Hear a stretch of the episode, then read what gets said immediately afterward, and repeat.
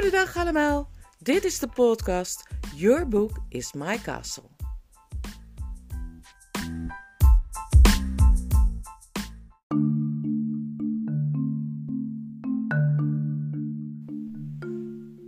Het is alweer een aantal dagen geleden dat ik hoofdstuk 9 voorlas, dus ik wist niet zo goed meer hoe het eindigde. Dus toen ik het begin van hoofdstuk 10 net eventjes las, dacht ik: Oh ja, oké, hier zijn we weer. Nou, ik ben echt benieuwd hoe het nou verder gaat nu Narnia is begonnen, ontstaan, tot leven geroepen.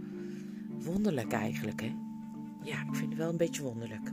Nou, hier komt hij hoor. Dit is hoofdstuk 10 en erboven staat de eerste grap en nog wat andere zaken. Het was natuurlijk de stem van de leeuw. De kinderen hadden al de hele tijd gevoeld dat hij kon praten. En toch was het een heerlijke en ontzaglijke verrassing nu hij dat deed. Wilde vrouwen en mannen stapten vanuit de bomen tevoorschijn. Bosgeesten. Met hen mee kwamen faunen en saters en dwergen. Uit het water van de rivier rees de riviergod op met zijn dochters de Najaden. Al die wezens en alle dieren en vogels beantwoorden met al hun verschillende soorten stemmen, hoge en lage, heese en heldere. Heil, Aslan. Wij horen en gehoorzamen. We zijn wakker. We hebben lief. We denken, we spreken, we weten. Maar neem me niet kwalijk, we weten nog niet heel veel, zei een neuzige, briesend klinkende stem. Daarvan schrokken de kinderen zich echt een hoedje, want dat zei het paard van de koetsier. Die goeie oude strobloem, zei Polly. Wat ben ik blij dat hij een van de dieren is die uitgekozen zijn om sprekende dieren te worden. En de koetsier die nu naast de kinderen stond, zei: Nou, breek me klomp. Maar ik heb altijd wel gezegd dat het een heel verstandig paard was. Schepsels, ik geef jullie aan jezelf, zei de krachtige, blijde stem van Aslan. Ik schenk dit land, Narnia, voor altijd aan jullie. Ik geef je de bossen, de vruchten, de rivieren. Ik geef jullie de sterren en mijzelf. De stomme dieren, die heb ik niet uitgekozen, zijn ook voor jullie. Behandel ze met liefde en zorg goed voor ze. Maar pas op dat jullie niet terugvallen in hun gewoonten.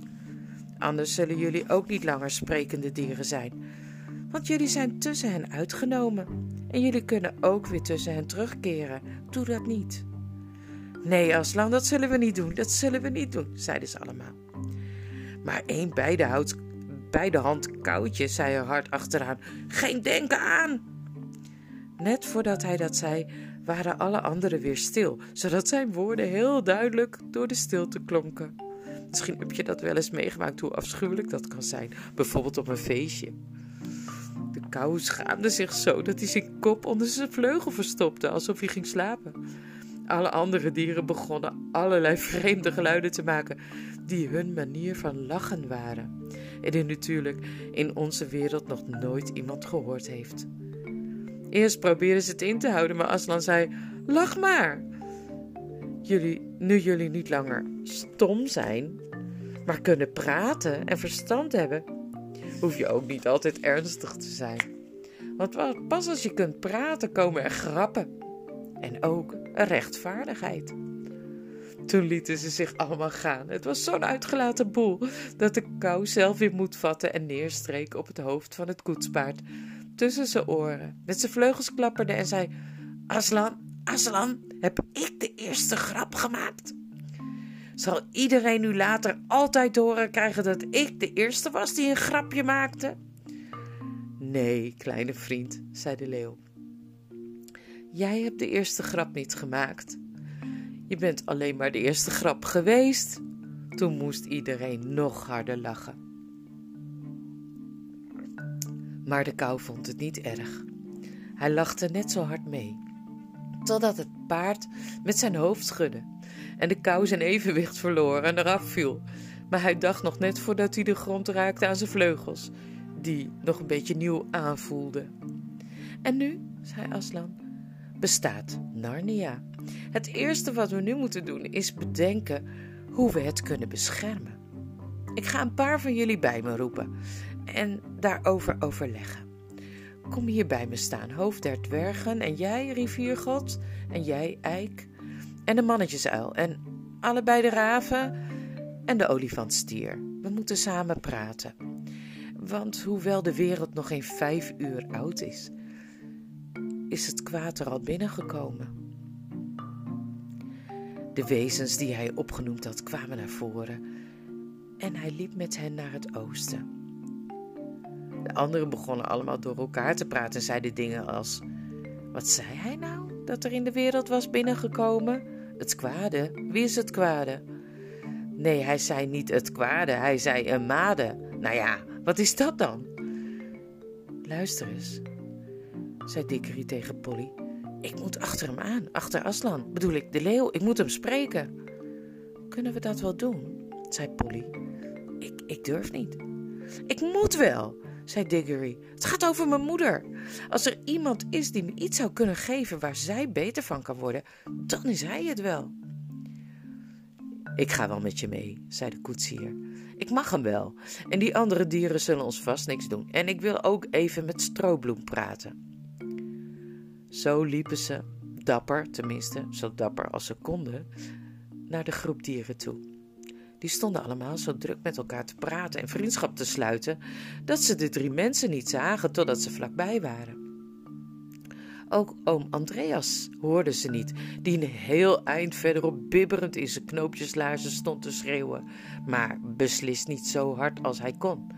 Dikkerie, kom terug, kom dadelijk terug als ik je dat zeg. Ik verbied je nog één stap verder te doen. Toen ze tenslotte midden tussen de dieren stonden, hielden de dieren op met praten en staarden ze aan. Zo, zeiden mannetjes bever tenslotte. Wat zijn dat in Aslans naam? Alsjeblieft, begon Dickery een beetje bedremmeld. Toen een konijn zei: het, het zijn een soort grote slaapplanten, als je het mij vraagt. Nee, niet waar, eerlijk niet, zei Polly snel. We zijn helemaal niet zo lekker om op te eten. Zie je nou wel, zei de mos, ze kunnen praten. Wie heeft er nou ooit gehoord van een pratende slaapplant?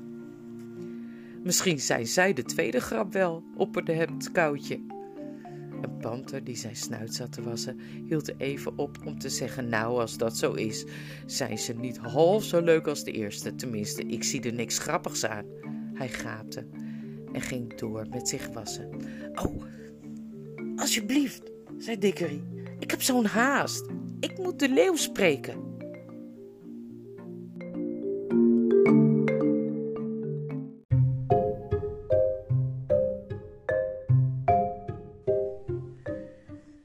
De koetsier had al de hele tijd geprobeerd de aandacht van Strobloem te trekken. Nu was het hem gelukt. Hallo Strobloem, ouwe jongen, zei hij. Je weet wel wie ik ben. Je gaat er toch niet staan te vertellen dat je mij niet kent, hè? Waar heeft het ding het over, paard? werd er van verschillende kanten gevraagd. Tja, zei Strobloem heel langzaam, ik weet het niet zo goed. Ik geloof dat de meesten van ons over de meeste dingen nog niet erg veel weten, maar ik heb een vaag gevoel dat ik zo'n ding al eens eerder gezien heb. Ik heb het gevoel dat ik al ergens anders gewoond heb. Of iets anders geweest ben voordat Aslan ons een paar minuten geleden allemaal wakker maakte. Het is allemaal een beetje verward, zoiets als een droom. Maar in mijn droom waren er ook zulke dingen als deze drie hier. Wat? Zei de koetsier. Ken je me niet? Mij, die jou s'avonds warm voer bracht als je eens niet lekker was. Mij, die je altijd de ros kamde zoals het hoort. Mij, die nooit zou vergeten je paardendeken over je heen te doen als je in de kou stond. Dat had ik niet van je verwacht, Strobloem. Ik begin me er weer vaag iets van te herinneren, zei het paard bedachtzaam. Ja, Laat me eens even denken. Laat me even denken. Ja, je bond altijd zo'n afschuwelijk zwart ding achter me vast en dan sloeg je me om, hard te laten, om mij hard te laten lopen. En hoe ver ik ook wegrende, dat zwarte ding bleef altijd met veel geratel achter mij aanhobbelen. We moesten ook ons kostjes in te verdienen, zei de koetsier. Het jouwe, net zo goed als de mijne. En als we geen werk en geen zweep hadden gehad, hadden we ook geen stal gehad. En geen hooi, geen warm voer en geen haver. Want als ik het kon betalen, kreeg je altijd wel wat haver. Dat zul je moeten toegeven. Haver, zei het paard. Hij spitste zijn oren. Ja, daar herinner ik me iets van. Ik herinner me steeds meer. Jij zat altijd ergens hoog achter mij. En ik rende altijd voorop en ik trok jou en dat zwarte ding. Ik deed al het werk, dat weet ik wel. Zomers wel, dat geef ik toe, zei de koetsier. Dat was voor jou werken en zweten en voor mij een koel plekje om te zitten. Maar zwinters dan, ouwe jongen.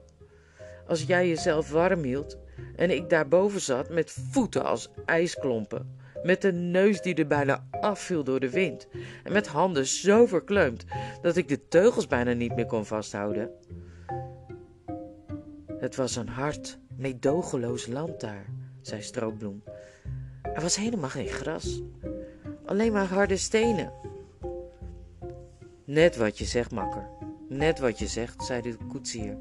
Een vrede wereld was het daar. Ik heb altijd wel gezegd dat die straatkeien niet fijn waren voor een paard. Zo is Londen, hè?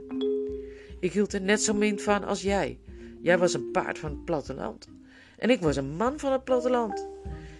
Ik heb er nog in het zangkoor gezongen, vroeger, thuis. Maar er was daar voor mij geen brood te verdienen. Oh, toen nou, zei Dickery. Kunnen we alsjeblieft opschieten? De leeuw gaat steeds verder weg. Ik moet hem zo verschrikkelijk nodig spreken. Luister eens, Stroobloem, zei de koetsier. De jonge heer hier heeft dat op zijn hart, waarover hij wil praten met de leeuw, met die aslan. Als jij hem nou eens op je rug liet meerijden. Hij zou je er vast heel dankbaar voor zijn. En met hem daarheen wil draven, waar de leeuw is. Dan komen dat meisje en ik wel achter jullie aan. Rijden, zei Stroombloem. Rijden? zei Stroobloem. Oh ja, nu weet ik het weer. Dat betekent op mijn rug zitten. Ik weet nog dat er lang geleden zo'n kleintje was. Net zo een als jullie twee beners, die dat deed. Hij had altijd van die kleine, harde, vierkante klontjes bij zich. Van een of ander wit spul. En die gaf hij aan mij. En die smaakte mmm, verrukkelijk. Nog lekkerder dan gras. Aha, Suiker zul je bedoelen, zei de koetsier. Ach, stroopbloem, alsjeblieft, zei Dikkerie. Laat me toch op je rug klimmen en breng me naar Aslan. Nou ja, ik vind het niet erg, zei, de, zei het paard. Voor een keertje dan. Kan me niet schelen hoor. Kom er maar op. Je bent een best paard, stroobloempje, zei de koetsier. Kom eens, jochie, ik geef je een opstapje. Zo zat Dickery snel op Stroobloems rug en hij zat heerlijk, want hij had op zijn eigen pony ook wel eens zonder zadel gereden. Nou, lopen Stroobloem, zei hij. Je hebt zeker niet toevallig van dat witte spul bij je, hè? zei het paard. Nee, ik ben bang van niet, zei Dickery. Nou ja, niks aan te doen, zei Stroobloem. En daar gingen ze. Op dat moment zei een grote buldog, die al een tijdje heel ingespannen had staan turen en snuffelen. Kijk eens, staat daar niet nog zo'n vreemd schepsel, daar ginds bij de rivier onder de bomen? Toen keken alle dieren en ze zagen oom Andreas, die heel stil tussen de rhododendrons stond en hoopte dat niemand hem zou zien. Kom op, zeiden een paar stemmen, laten we gaan kijken of dat er ook een is. En ze renden, terwijl Strobloem Dickery in gestrekte draf meenam de ene kant op en Polly en de koetsier te voet volgden. De meeste andere wezens op oom Andreas af, onder gebrul, geblaf, gegrom en allerlei geluiden van uitgelaten nieuwsgierigheid. Nu moeten we even teruggaan in de tijd en uitleggen hoe de gebeurtenissen er door de ogen van oom Andreas uitgezien hadden. Ze hadden op hem een volkomen andere indruk gemaakt dan op de koetsier en de kinderen. Want wat je precies ziet en hoort, hangt er voor een groot deel van af waar je staat. En verder hangt het ervan af wat voor soort iemand je bent.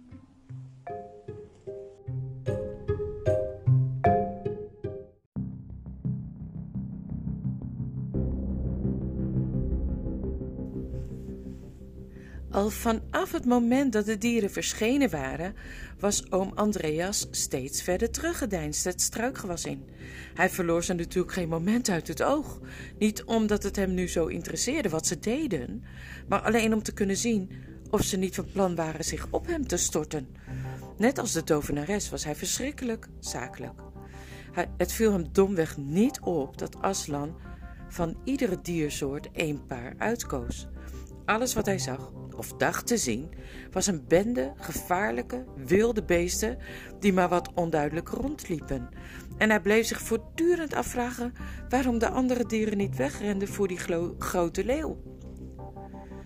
Toen het grote moment aanbrak dat de dieren begonnen te praten, ontging hem dat totaal. En dat is best de moeite waard om te weten hoe dat kwam. Toen de leeuw net begonnen was te zingen, lang geleden, toen het nog aardedonker was, begreep hij dat wat hij hoorde zingen was. Maar hij had het lied afschuwelijk gevonden. Het had hem dingen laten denken en voelen die hij helemaal niet wilde denken en voelen. Toen daarna de zon opkwam en hij zag dat het gezongen werd door een leeuw, maar een leeuw, zoals hij tegen zichzelf zei, deed hij zijn uiterste best om zichzelf te laten geloven dat het geen zingen was dat kan het ook nooit geweest zijn. Alleen maar gebrul, zoals elke leeuw in elke dierentuin van onze wereld dat wel eens doet. Het kan natuurlijk nooit echt zingen geweest zijn, dacht hij. Ik moet het me verbeeld hebben. Kom van de zenuwen. Wie heeft er nou ooit gehoord van een leeuw die zingt? En hoe langer en mooier de leeuw zong, hoe harder oom Andreas probeerde zichzelf te laten geloven dat het alleen maar gebrul was. Nu is het probleem dat wanneer je probeert je dommer te houden dan je in werkelijkheid bent, je dat ook vaak wel lukt. Bij oom Andreas lukte het snel. Al gauw hoorde hij in het lied van Aslan inderdaad niets anders dan gebrul. En al gauw had hij er ook niets anders meer in kunnen horen. Zelfs al had hij het gewild. En toen de leeuw tenslotte begon te spreken en zei: Narnia wordt wakker, hoorde hij geen woorden. Hij hoorde een woestige gegrom. En toen de dieren terug begonnen te praten, hoorde hij alleen bassen, grommen, blaffen, janken. En toen ze moesten lachen, nou ja, je kunt je wel voorstellen. Dat was voor oom Andreas het ergste van alles wat tot nog toe gebeurd was. Nog nooit van zijn leven had hij zo gruwelijk, bloeddorstig kabaal van woeste, hongerige beesten gehoord. En daarna zag hij tot zijn grote woede en afgrijzen de drie andere mensen zomaar de open vlakte oplopen naar die dieren toe. Die idioten, zei hij bij zichzelf. Straks eten die monsters die, de ringen met kinderen en al op en dan kan ik nooit meer terug naar huis. Wat is die dikkerie toch een zelfzuchtig jongetje? En die anderen zijn al net zo erg. Als die hun leven willen wagen, moeten ze dat zelf weten, maar ik dan? Daar denken ze blijkbaar niet aan. Niemand denkt aan mij. Toen er tenslotte een hele massa dieren op hem afkwam stormen, keerde hij zich om en rende voor zijn leven. Nu was wel heel duidelijk te zien hoe die oude heer was opgeknapt. Door de lucht in die jonge wereld. In Londen was hij veel te oud geweest om überhaupt te rennen. En nu rende hij met een snelheid die hem op elke school in Engeland op de sportdag zeker de eerste prijs voor de 100 meter hardlopen bezorgd zou hebben. Zijn jaspanden wapperden vervier achter hem aan. Maar het hielp natuurlijk niks. Veel van de dieren die hem achterna kwamen konden heel hard lopen. Het was de allereerste keer van hun leven dat ze hard liepen. En ze hadden er zo zin in om die nieuwe spier eens lekker uit te proberen. Erachteraan, erachteraan, schreeuwden ze. Misschien is hij die, het kwade wel. Daar gaat hij. Laat hem niet ontsnappen. Snijd hem de pas af. Omsingel hem. Zet hem op. Hoera! Het kostte maar weinig tijd. Voordat er een paar hem de pas hadden afgesneden. Ze gingen op een rij voor hem staan, zodat hij er niet langs kon. Anderen sloten hem van achterin. Overal waar ik keek zag ik angstaanjagende dieren. Geweien van reusachtige elanden. En het enorme hoofd van een olifant torende hoog boven hem uit. Achter hem gromden logge, fronsende beren, everzwijnen. Arrogante luipaarden en panters. Met sarcastische gezichten, dat dacht hij tenminste. Ze keken hem strak aan en zwiepten met hun staart. Wat hem meer dan alles opviel was hoeveel open monden hij zag. De dieren hadden in werkelijkheid hun mond open van het hijgen, maar hij dacht dat ze opengesperd waren om hem op te eten. Daar stond oom Andreas, bevend, wankelend. Hij had al nooit van dieren gehouden, want voor de meeste was hij nogal bang. En na jarenlang vrede proeven met dieren te hebben uitgehaald, was hij natuurlijk nog veel banger voor ze en haatte hij ze nog veel meer. Zo, meneer, zei de bulldog zakelijk. Bent u een dier, een plant of een ding? Dit was tenminste wat hij eigenlijk zei. Maar oom Andreas hoorde alleen maar